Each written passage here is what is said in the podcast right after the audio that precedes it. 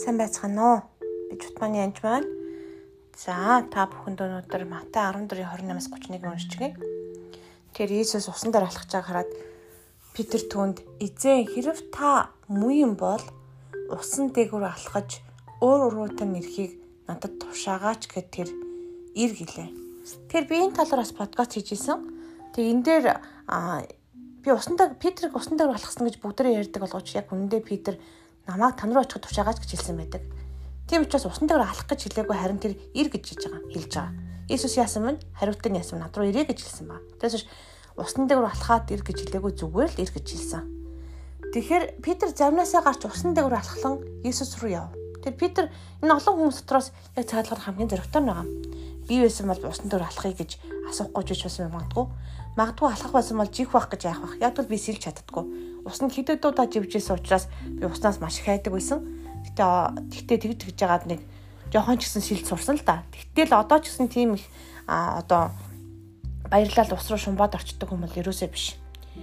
Тэгтээ бид нэр амьдрал дээр яг энэ Питер шиг замнаасаа гарan усан дээр алхах шаардлага гардаг. Итгэлээрээ үнэхээр хэцүү газраар бидний мэдхгүй газраар боломжгүй газраар алхаж байгаа. Үнэхээр усан дээр алхах боломжгүй. А гэхдээ Иесустай хахад болдог. Тэгэхээр итгэлээрээ тэгж хэцүү газараа алхах бол амархан байх байдаггүй. Чиний хардггүй, мэдхгүй байгаа зөвөр зүйлэр алхах хэрэгтэй гэсэн үг. Жишээлхэд би Америкт ирэх болоход 1000 долларын цалинтай ажил дээрсэн. 6-гийн 6 хүн 1000 долларын цалинтай ажиллаар мó Монголд бол сайхан мөнгө байх л та. Гэтэл Америкт бол зөвхөн байрандаа л 1400 500 төлдөг. А айтайхан байр бол бүр 2000-ыг төлнө. Тэгэхээр чин байрныхаа мөнгөнд ч өрөхгүй, хоол унд бүх юмдаа өрөхгүй мөнгө гэсэн үг. Тэр яг энэ үед бас эзэн дээр эзэн тэтгээд алхах шаардлагатай болсон. Виз нь гарах уу, гарахгүй бас мэдэхгүй шүү дээ. Тэрнтэй адилхан хүнд бас хэцүү зүйлүүд байлдаг. Жишээлбэл би ямар ч байр авах мөнгөгүй байсан мөртлөө эзэн чамд байраар хангана гэхэд бас итгэх тийм шаардлагууд гарч ирсэн. Үүнтэй адилхан зүйлүүд зөндөө болдог. Тэгэхээр бидний амьдралд үнэхээр усан дээгүүр алхаж байгаа юм шиг тийм итгэлүүд болдог байна л дээ. Тэгвэл харин Питер салхи хараад айн живж эхлэв гэж.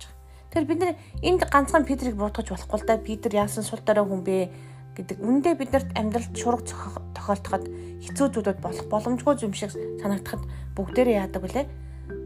Түүнийг хардаг байгаа. Анхаарлаа бид нар асуудал руугаа төвлөрүүлдэг гэсэн. Тэр үед яадаг гэхээр живж эхэлдэг гэсэн. Тэгэхээр бид нар бас ингэдэг живдээ гэсэн.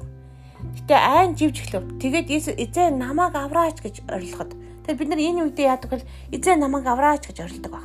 Тэр үнэхээр амьдралд хэцүү зүйлүүд тохиолдох үед бид нар эзэн авраач гэж хэлдэг. Энэ үед бидний үнэхээр тэр мотор бол үндэс нь илүү сайн ургадаг гэсэн үг. Тэгээ тэрийг доошоогоо итгэх нь улам батчдаг гэсэн үг. Ингэж харахад Иесус тэр даруй гараа сунган түүнийг зуран баг итгэлт минь ээ чи юунд эргэлзвэ гэж хэлж байгаа. Тэр үнэхээр бид баг итгэлтэй үед эргэлздэг байх нь бүр усан дээр алхаж байгаа Петрийг Иесус баг итгэлтэн минь гэж хэлж байгаа.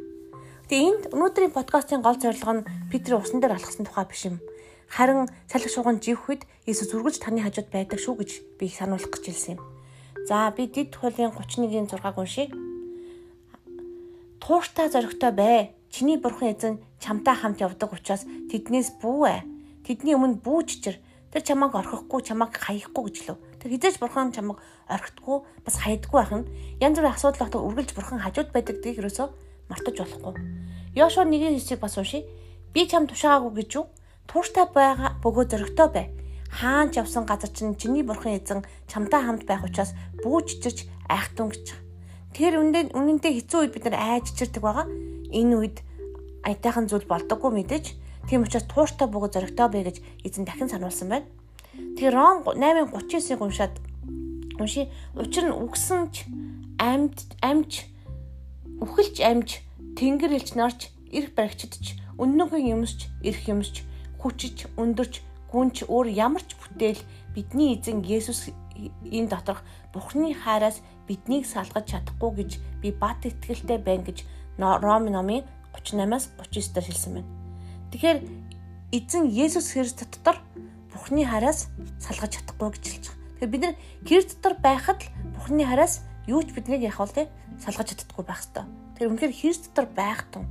Эзний хайр нэгүсэл энэрл үргэлж хамт байдаг шүү. Таныг хизээч орхихгүй, хизээч хаяхгүй. А гэхдээ та тэднийг орхиж хаях тохиолдол байдаг. Гэмнүгэл үлдээд явчих юм бол эргэж буцан эзэм навраач гэж хэлж байгаараа. Тэгэд үнэхээр Иесус үргэлж гараа сунгон таны хажууд байх болно. Ямар ч нөхцөл байдлаас таныг татан гаргах чадвартай шүү. Иесусийн нэрээр эзэн тантаа үргэлж чамд байдаг учраас та баярлан хашрахтун.